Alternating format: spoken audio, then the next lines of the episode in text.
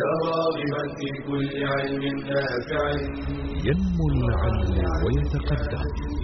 تقنياته ومجالاته. ومعه نطور أدواتنا في تقديم العلم الشرعي. أكاديمية زاد.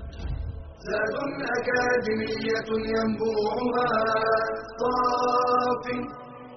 صاف ليروي غلة الظمآن. والسيرة العلياء عطرة الشدى. طيب يفوح لأهل كل زمان. بسرى لنا ذات أكاديمية للعلم كالأزهار في البستان.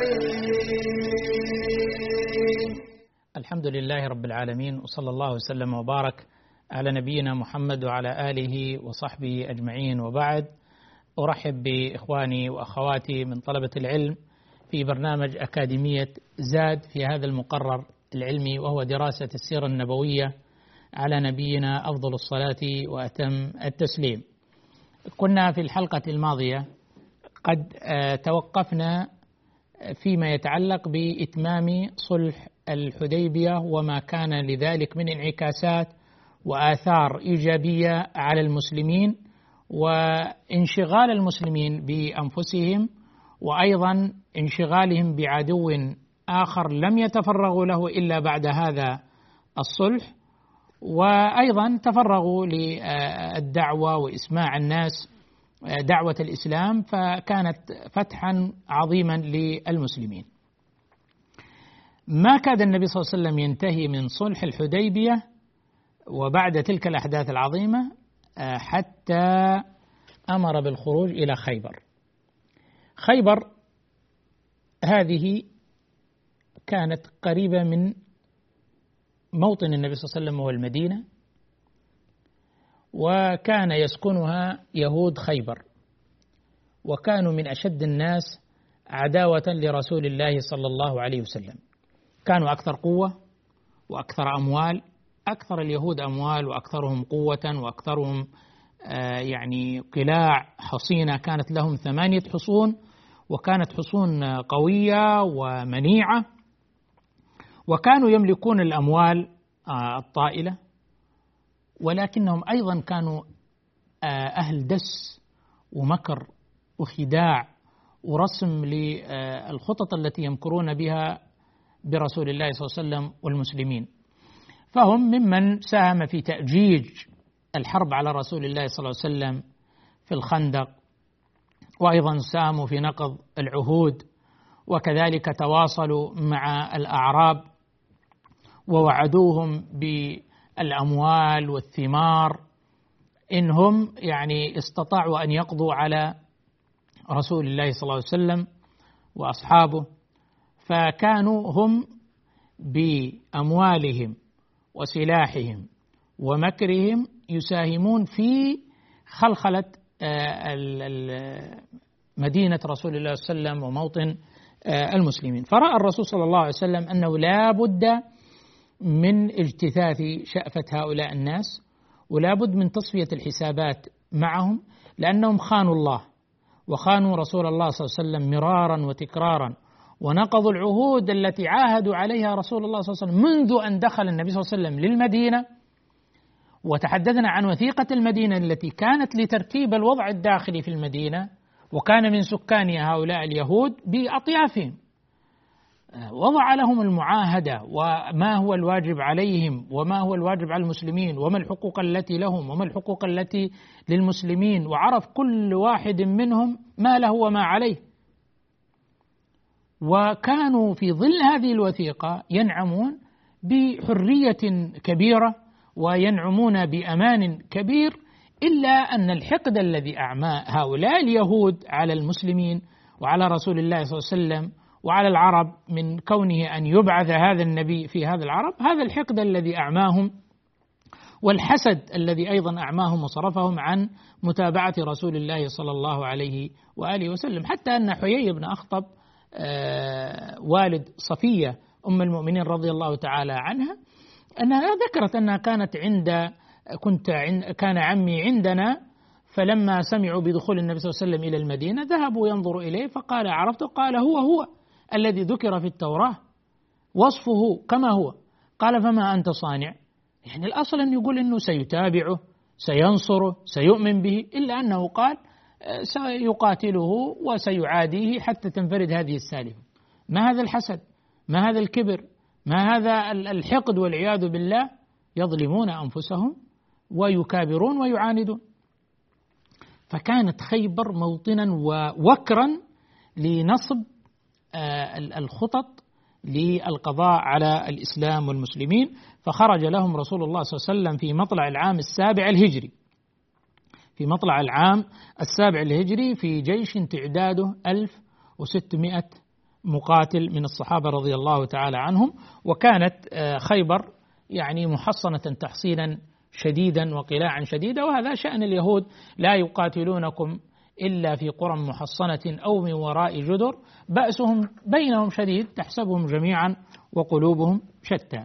فلما قارب النبي صلى الله عليه وسلم وأشرف على خيبر بات المسلمون قريبا منها قريبا من خيبر حتى إذا أصبحوا صلى النبي صلى الله عليه وسلم صلاة الفجر بغلس يعني في أول الوقت في أول وقت صلاة الفجر. فخرج أهل خيبر كعادتهم بمساحيهم ومكاتلهم ويذهبون إلى زروعهم فخرجوا بمساحيهم ومكاتلهم فلما رأوا الجيش قالوا محمد والخميس. والله محمد والخميس يعني محمد والجيش. ففروا هاربين مذعورين. فقال النبي صلى الله عليه وسلم الله أكبر خربت خيبر. الله أكبر خربت خيبر. إنا إذا نزلنا بساحة قوم فساء صباح المنذرين. وهذا من الاستدلال بآيات القرآن في مواطن عديدة ومشابهة. إن إذا نزلنا بساحة قوم فساء صباح المنذرين. فالنبي صلى الله عليه وسلم حاصر خيبر وكان بينهم آه، اقتتال آه، شديد بين المسلمين وبين هؤلاء اليهود وكانوا يستثمرون هذه الحصون في رمي المسلمين بالنبل وغيرها. واشتد ذلك على المسلمين وقاتلوا قتالا شديدا. بعد عدة محاولات ومنازلات في هذه الغزوة غزوة خيبر قال النبي صلى الله عليه وسلم مقولة يحفز بها أصحابه لإنهاء هذه المعركة وهذه الغزوة مع عدوهم. قال لأعطين الراية غدا رجلا يحب الله ورسوله ويحبه الله ورسوله. يفتح الله عليه أو على يديه أو كما قال صلى الله عليه وسلم. إذا هذا الرجل مواصفاته الذي سيعطى الراية غدا أنه يحب الله ورسوله. هذه شهادة عظيمة. أن الله يحبك وأن الرسول صلى الله عليه وسلم يحب هذا الرجل. وأيضا هو شهادة لهذا الرجل أنه يحب الله ورسوله. وأيضا بشارة أخرى بشارة بالنصر أنه يفتح الله على يده فأي بشارة أعظم من هذا؟ شهادة له بمحبة الله ورسوله وأيضا شهادة له بالفتح وتبشير له بالفتح. فجمع الله له بين خير الدنيا والآخرة. فبات الصحابة رضي الله تعالى عنهم كلهم يدوك ويفكر في الموضوع يتمنى أن يعطاها أن يعطى هذه الرأي. حتى عمر يقول والله ما تمنيت الإمارة إلا ليلة إذ أو يومئذ بمعنى لأنه الإمارة مسؤولية وأمانة وإنها يوم القيامة خزي وندامة نعمة المرضعة وبئسة الفاطمة. ومع ذلك عمر يعني في مثل هذه الحالة ومثل هذه الصورة شهادة له بحب الله ورسوله وأيضا تبشير له بالفتح قال ما تمنيت الإمارة إلا يومئذ فلما أصبحوا قال النبي صلى الله عليه وسلم خرج الناس كلهم كلهم يرجو أن يعطى هذه الراية من يد رسول الله صلى الله عليه وآله وسلم. فقال النبي صلى الله عليه وسلم أين علي بن أبي طالب؟ فقال هو يا رسول الله يشكو عينيه يشكو عينه أصاب يعني رمد أو شيء من ذلك من المرض في عينه فأتي به وهو يقاد من شدة هذا المرض الذي في عينه فبصق النبي صلى الله عليه وسلم على عينه ومسح عليها فبرأ كأن لم يكن به شيء وأعطاه الراية وقال انفذ على رسلك على مهلك حتى تنزل بساحتهم ثم ادعوهم إلى الإسلام وأخبرهم بما يجب عليهم من حق الله تعالى. فوالله لأن يهدي الله بك رجلا واحدا خير لك من حمر النعم. هذه رسالة الإسلام. رسالة الإسلام آه، فتح القلوب قبل فتح البلدان والدعوة إلى الإسلام والإخبار بواجب وحق الله تعالى على العباد. فاصل ونواصل. للعلم كالأزهار في البستان. هل كرم المرأة أحد مثل ما كرمها الإسلام؟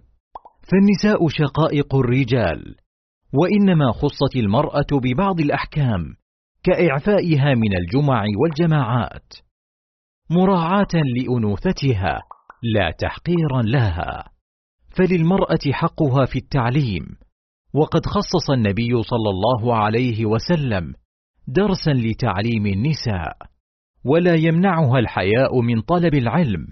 قالت عائشة رضي الله عنها نعم النساء نساء الأنصار لم يكن يمنعهن الحياء أن يتفقهن في الدين. والتعليم حق للمرأة على أبيها وزوجها. عن علي بن أبي طالب في قوله تعالى يا الذين آمنوا قوا أنفسكم وأهليكم نارا وقودها الناس والحجارة. قال علموهم وأدبوهم وتعلم المرأة زوجها إن كانت أعلم منه. قال النبي صلى الله عليه وسلم لأبي رافع حين علمته زوجته بعض الأحكام يا أبا رافع إنها لم تأمرك إلا بخير. والتاريخ الإسلامي زاخر بالنساء العالمات المعلمات. كعائشة أم المؤمنين. قال عطاء بن أبي رباح كانت عائشة أفقه الناس وأعلم الناس وأحسن الناس رأيا في العامة. ومنهن عمرة بنت عبد الرحمن الأنصارية وحفصة بنت سيرين البصرية وفاطمة بنت عباس البغدادية. فتعلمي واعملي وأبشري. قال تعالى ومن يعمل من الصالحات من ذكر أو أنثى وهو مؤمن فأولئك يدخلون الجنة ولا يظلمون نقيرا بشرى لنا أكاديمية للعلم كالأزهار في البستان. الحمد لله. أخذ علي بن أبي طالب رضي الله تعالى عنه الراية من رسول الله صلى الله عليه وسلم فكانت شهادة لسيدنا عن علي بن أبي طالب رضي الله تعالى عنه آه، وهو من العشر المبشرين بالجنة بحب الله وحب رسوله وبشارة له بالفتح رضي الله تعالى عنه وأرضاه.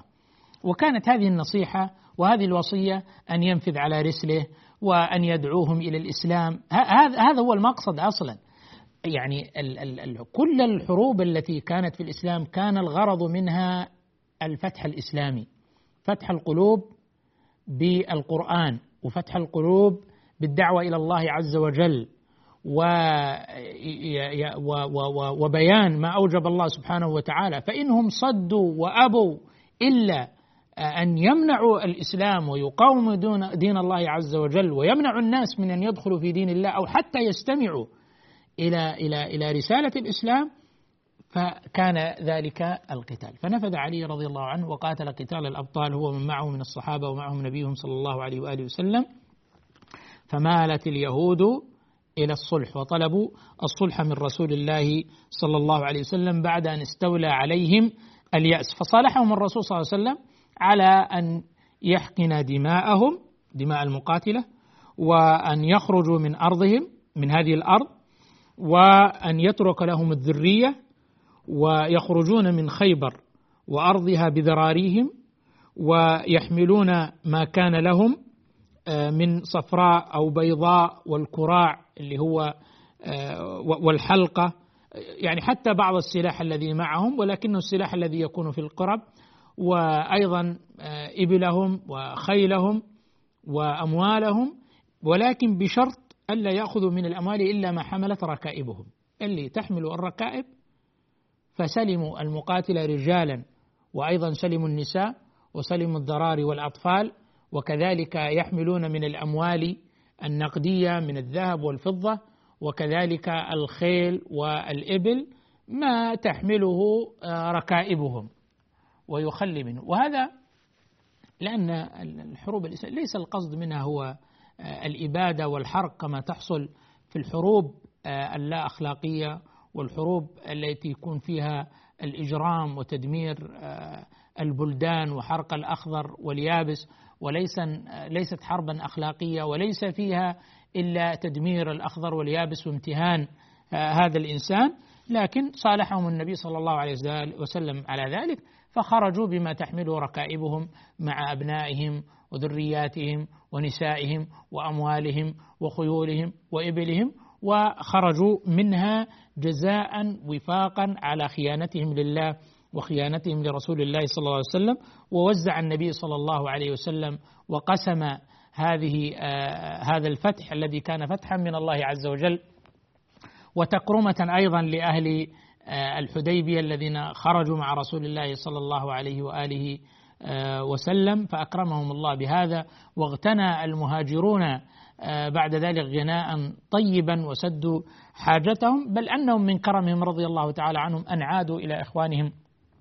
الأنصار فردوا ما كان في أيديهم إلى إخوانهم وأنهم الحمد لله قد سترهم الله وقد أكرمهم الله وأعطاهم الله سبحانه وتعالى فاكتفوا بما فتح الله تعالى عليهم. فكان هذا فضل من الله تعالى ونصر لنبيه صلى الله عليه وسلم وإكرام للمؤمنين. في هذه الغزوة المباركة قدم جعفر بن أبي طالب رضي الله تعالى عنه والأشعريين قدموا من الحبشة. فابتهج النبي صلى الله عليه وآله وسلم بقدوم جعفر فقال والله ما أدري ما أفرح أفرح بفتح خيبر أم بقدوم جعفر؟ هذا الحب لأصحابه رضي الله تعالى عنهم حين قدموا من الحبشة وقد كانوا مهاجرين رضي الله تعالى عنهم وأرضاهم. فيعبر عن مشاعر هذا الفرح وهذا السرور بلقيا إخوانه وأحبابه وصحابته فيقول والله ما أدري أفرح بفتح خيبر وما من الله تعالى به على المؤمنين من هذا الفتح العظيم هذا الفتح العظيم وهذه الجائزة العظيمة التي امتن الله بها تعالى على عباده المؤمنين. أم بقدوم جعفر؟ فكان هذا أمرا مفرحا لقلب رسول الله صلى الله عليه وسلم ولقلوب الصحابة رضي الله تعالى عنهم. أيضا كان زواج النبي صلى الله عليه وسلم من صفية بنت حيي ابن أخطب أمنا أم المؤمنين صفية رضي الله تعالى عنها. تزوجها رسول الله صلى الله عليه وسلم بعد أن حلت له. وفي بعض الآثار أنها قد رأت رؤيا أن القمر سقط من مكانه حتى وقع في حجرها رضي الله تعالى عنها وأرضاها فحظيت بما هو أجمل من القمر وأغلى من كل شيء. فازت برسول الله صلى الله عليه وسلم أن يكون زوجا لها وأن يكون حبيبا لها وأن تكون في كنفه صلى الله عليه وسلم وأن تكون اما للمؤمنين رضي الله تعالى عنها وأرضاها. فأي تشريف هذا وأي عظمة لإنسانة لامرأة أن تصبح زوجا لرسول الله صلى الله عليه وسلم. والله هذا الشرف الذي لا يوازيه شرف لامرأة من النساء. ما يوازي شرف هذا شرف أن تكون أما للمؤمنين وزوجا لرسول الله صلى الله عليه وسلم سيد الأنبياء والمرسلين رضي الله تعالى عن أمنا صفية وعن جميع أمهات المؤمنين.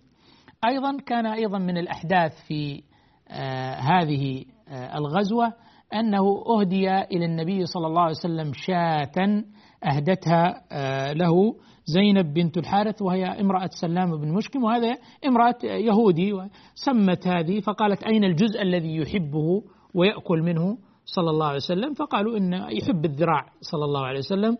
فزادت في سم هذه الذراع بالغت في وضع السم في هذه الذراع وأيضا سمت بقية الشاة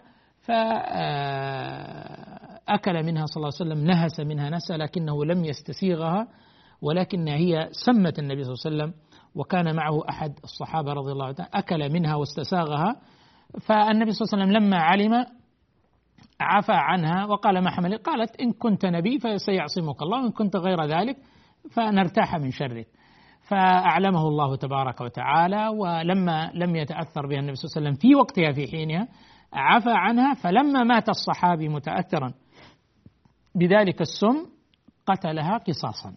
قصاصا بمقتل ذلك الصحابي الذي سم من تل من آثار تلك الشاة. فكان فتحا عظيما ونصرا مبينا وغنى لأصحاب رسول الله صلى الله عليه وآله وسلم. أيضا في شهر ذي القعدة من السنة السابعة للهجرة كانت عمرة القضاء وتسمى عمرة القصاص يعني لأن النبي صلى الله عليه وسلم اقتص لأنهم يعني كان في ذي القعدة ردوه صلى الله عليه وسلم ومنعوه فكان في ذي القعدة من السنة التي تليها الرد كان في السنة السادسة والقضاء كان في السنة السابعة من الهجرة بعد عودة النبي صلى الله عليه وسلم من خيبر بأشهر. خرج النبي صلى الله عليه وسلم من المدينة مع أصحابه متجها إلى مكة آه، كما حصل في الاتفاق مع قريش في صلح آه، الحديبية. بلغ الذين شهدوا مع النبي صلى الله عليه وسلم هذه العمرة آه، قرابة الألفين سوى النساء والصبيان ممن شهد هذه العمرة مع رسول الله صلى الله عليه وآله وسلم. وصلوا إلى البيت وطاف المسلمون بالكعبة وأظهروا من القوة والجلد ما جعل قريش تتعجب من حالهم ومن قوتهم لأنهم كانوا أشاعوا آه، قولا أن يقدم عليكم قوم ووفد آه، وهنتهم حمى يثرب فأمرهم النبي صلى الله عليه وسلم بالرمل في آه، الثلاثة الأشواط الأولى وترك بقية الأشواط الأربعة الأخرى حتى يستبقي قوتهم فأظهروا من القوة والجلد ما يغيظون به الأعداء. فكانت هذه آه، العمرة عمرة القضاء دخلها النبي صلى الله عليه وسلم على ناقته القصواء والصحابة رضي الله تعالى عنه حوله وطافوا فكان تصديقا لقول الله لقد صدق الله رسوله الرؤيا بالحق لتدخلن المسجد الحرام إن شاء الله آمنين محلقين رؤوسكم ومقصرين لا تخافون وصلى الله وسلم وبارك على نبينا محمد. بشرى أكاديمية للعلم كالأزهار في البستان.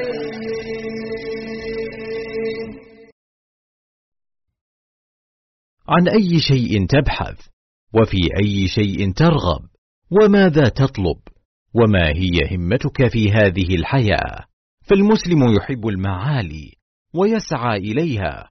قال صلى الله عليه وسلم إن الله يحب معالي الأخلاق ويكره سفسافها.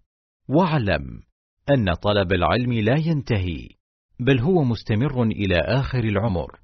قيل للإمام أحمد وهو يحمل محبرة إلى متى؟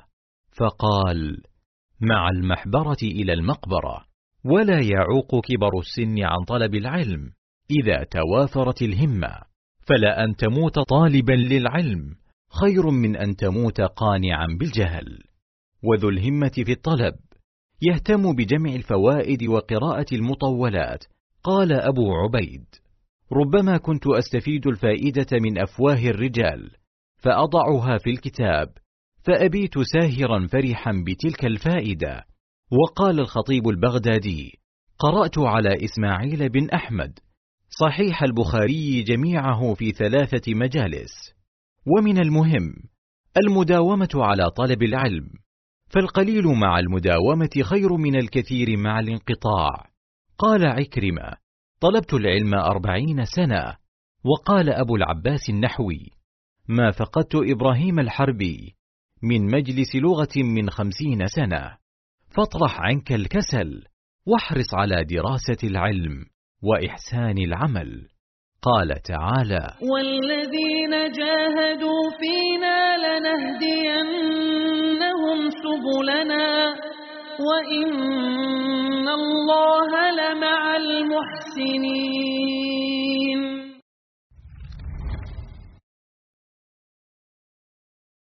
بشرى لنا أكاديمية للعلم كالأزهار في البستان. الحمد لله رب العالمين صلى الله وسلم وبارك على نبينا محمد وعلى آله وصحبه أجمعين وبعد. في شهر جماد الأولى من السنة الثامنة للهجرة جهز الرسول الكريم صلى الله عليه وسلم جيشا للقصاص ممن قتلوا الحارث ابن عمير. هذا الحارث بن عمير رسول بعثه النبي صلى الله عليه وسلم إلى أمير بصرى يدعوه إلى الإسلام في ظل تلك الفترة التي كانت هي فترة الهدنة التي آه، كانت فرصة للدعوة وأيضا إرسال الرسل وبعث الكتب والمراسلة مع ملوك آه، العرب وجميع أنحاء الدنيا يراسلهم النبي صلى الله عليه وسلم يدعوهم إلى الإسلام. فأرسل الحارث بن عمير لوالي بصرى ولكنه آه، لم يتعامل معهم لا بشيم العرب ولا بالأخلاق أهل الشيم التي عرفت عنه وإنما قتلوا هذا الرسول. طبعا قتل الرسول المبعوث أو السفير هذا يعتبر مثل إعلان الحرب أو ربما أكبر من قضية إعلان الحرب في تلك آه، الفترة عند الناس بمعانيها. فجهز النبي صلى الله عليه وسلم ذلك الجيش لغزوهم والأخذ بثأر آه، هذا الصحابي رضي الله تعالى عنه. هذه المعركة تعتبر أكبر لقاء مثخن للمسلمين وأعظم حرب دامية خاضها الصحابة والمسلمون رضي الله تعالى عنهم في عهد رسول الله صلى الله عليه وآله وسلم. آه، أمر على الجيش زيد بن حارثة وعقد له صلى الله عليه وسلم اللواء وكلفه بحمل الراية أو حمل اللواء لزيد بن حارثة ثم قال إن أصيب زيد فجعفر بن أبي طالب فإن أصيب جعفر فعبد الله بن رواحة. وهذا من ترتيبات القائد أن يختار من آه، جنده الأكفاء والأقوياء لتوليتهم القيادة قيادة الجيوش آه، القيام بالمهمات آه، وتوزيع الأدوار بينهم. فكلف زيدا في حال لو حصل طارئ أو قتل أو أصيب فإنه يكون فلان بعد ذلك. كان زيد فجعفر فعبد الله بن رواحة رضي الله تعالى عنه. انطلق الجيش الذي بلغ قوامه ثلاثة آلاف من المهاجرين والأنصار. وقد أوصاهم النبي صلى الله عليه وسلم وصية وخرج معهم حتى ودعهم عند ثنية الوداع من المدينة. ودعهم هناك وأوصاهم وصية. كانت من هذه الوصية ألا يقتل امرأة ولا صغيرا ولا شيخا فانيا يعني كبيرا في السن ولا يقطع شجرا ولا يهدم بناء ولا صومعة. كل ذلك تبين وتؤكد دائما على أن الحروب التي خاضها المسلمون إنما هي حروب أخلاقية حروب حضارية. حينما نقارن بين الحرب التي يخوضها المسلمون مع أعدائهم وننظر إلى الممارسات والنتائج وننظر إلى الحروب التي يخوضها أعداء الإسلام على المسلمين وننظر إلى تعاملهم مع النساء والأطفال والبلدان والخيرات وكيف يتعاملون معها ستجد هناك فارق شاسع كبير جدا فيما بينهم. حتى في كما في ما حصل في خيبر وجد آه، الصحابة رضي الله تعالى عنهم قطعة أوراق من التوراة أخذوها فطلبوها اليهود فردوها إليهم ولم يفعل المسلمون ما كانوا يفعلونه. الرومان لما دخلوا إلى أورشليم وقتلوا وصنعوا وأحرقوا كتب النصارى ولا كما فعل التتار لما دخلوا إلى بلاد المسلمين وأحرقوا الكتب والمكتبات وألقوا بالناس. في, في قتلوهم ورموهم في الأنهار حتى تغيرت مياه الأنهار إلى اللون الأحمر واللون الأزرق. كانت حروب المسلمين حروب حضارية حروب أخلاقية. لا تقتلوا امرأة ولا صبيا ولا شيخا فانيا ولا تقطعوا شجرا ولا تفسدوا ثمرا ولا تهدموا بناء. ما هي قضية هدم. ولا آه، تهدموا كنيسة كل هذا يدل على أن حرب المسلمين حرب أخلاقية. حرب حضارية لها أخلاقياتها ليست كما يصنعه أعداء الإسلام. شيعهم النبي صلى الله عليه وسلم وودعهم عند ثنية الوداع. لما وصل الجيش إلى منطقة يقال لها مكان يدعى معان في أرض الشام كان هرقل قد حشد آه، مئتي ألف مقاتل لقتال المسلمين. لك أن تتخيل أخي الكريم أختي الكريمة مئتين ألف جيش عرمرم كالبحر المتلاطم والموج الهائج المائر يواجه جيش صغير في عدده ثلاثة آلاف. في أرض بعيدة من منطقته الأساسية والأصلية. لما رأى المسلمون ذلك والتقى الجيشان في معركة غير متكافئة تماما لا عددا ولا عدة تشاور المسلمون وأقاموا ليلتين يتناظرون ويتشاورون ويتفكرون في أمرهم. وهذا من عادة أهل الإسلام وأهل العقل أنهم في الأمور المدلهمة يحتاجوا إلى أن يفكروا يحتاجوا إلى أن يتبصروا.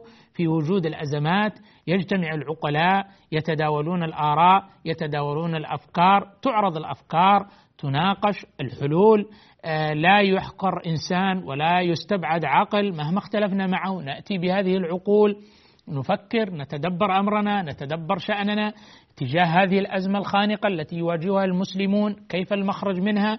ما هي إيجابيات هذا الحل وسلبياته؟ ما هي إيجابيات هذا الحل وسلبياته؟ أثرها الإيجابي على الإسلام والمسلمين أثرها السلبي على الإسلام والمسلمين. يعملون هذه العقول ينظرون من عدة زوايا. كيف المخرج لأن يخرجوا بصورة يحمي الله بها سبحانه وتعالى بيضة الإسلام والمسلمين. فتشاوروا في أمرهم فقال بعضهم نكتب إلى رسول الله صلى الله عليه وسلم ونخبره بعدد عدونا ونطلب منه أن يمدنا بالرجال أو أنه يأمرنا بأمر فنمضي لما أمرنا به. إما أن يمدنا بالرجال أو قال لنا ارجعوا نرجع أو قال قاتلوا نقاتل. هذا رأي. إلا أن عبد الله بن رواحة وهو أحد القادة وهو النائب الثاني اللي هو كان بعد جعفر بن أبي طالب كان زيد فجعفر وعبد الله بن رواحة إلا أن عبد الله بن رواحة عرض هذا الرأي وشجع الناس على القتال وقال لهم والله يا قوم إن التي تكرهون إن التي تكرهون لا التي خرجتم تطلبون الشهادة. ألم تخرجوا تطلبون الشهادة في سبيل الله؟ ألم تخرجوا في سبيل الله؟ ألم تريدوا إعلاء كلمة الله تعالى؟ ألم تخرجوا طلبا للشهادة فتفوزوا بأجر الشهداء؟ هذه التي تطلبون لا التي خرجتم لها. وما نقاتل الناس بعدد ولا قوة ولا كثرة وإنما نقاتلهم بهذا الدين الذي أكرمنا الله به. لا يذكر التاريخ من النوادر. أن المسلمين دخلوا معركة كانوا هم أكثر عددا إلا في حنين. وبالعكس لما كانوا في حنين هم أكثر عدد ودخلهم العجب. ويوم حنين إذا أعجبتكم كثرتكم فلم تغن عنكم من الله شيء وضاقت عليكم الأرض بما رحبت ثم وليتم مدبرين. وكل النصر كان في أعداد قلة. نعم الله عز وجل أوجب على أهل الإسلام أن يأخذوا بالعدة بالإعداد وأعدوا لهم ما استطعتم من قوة وبالرباط الخيل ترهبون به عدو الله وعدوكم وآخرين من دونهم.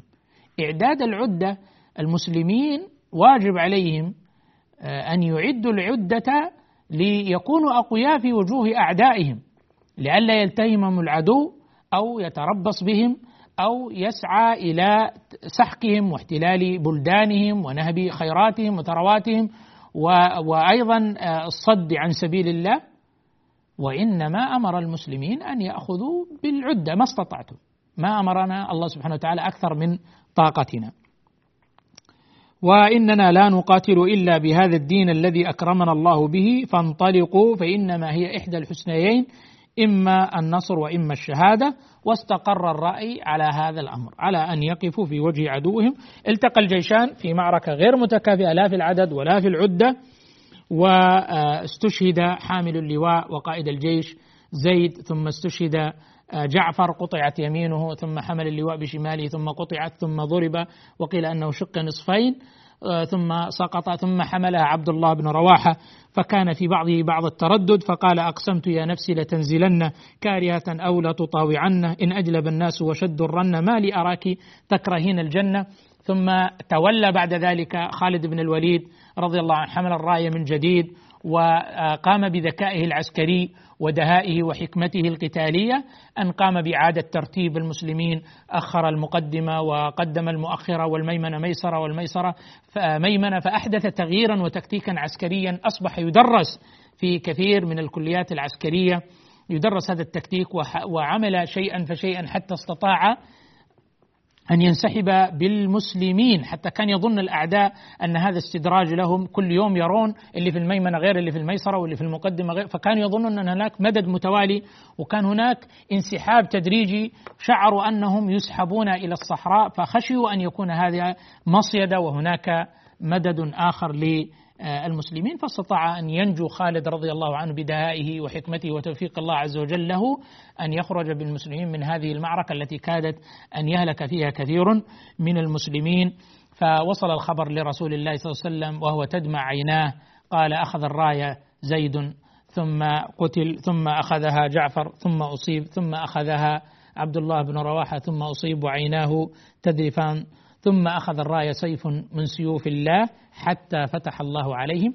فكان ختام هذه المعركة فتح للإسلام والمسلمين. أسأل الله سبحانه وتعالى أن يعز دينه وينصر أولياءه وينصر الإسلام والمسلمين. تلك العلوم دروسها ميسورة في صرح علم الرأس في الأركان. بشرى لنا بشرى لنا بشرى لنا ذات أكاديمية للعلم كالأزهار في البستان.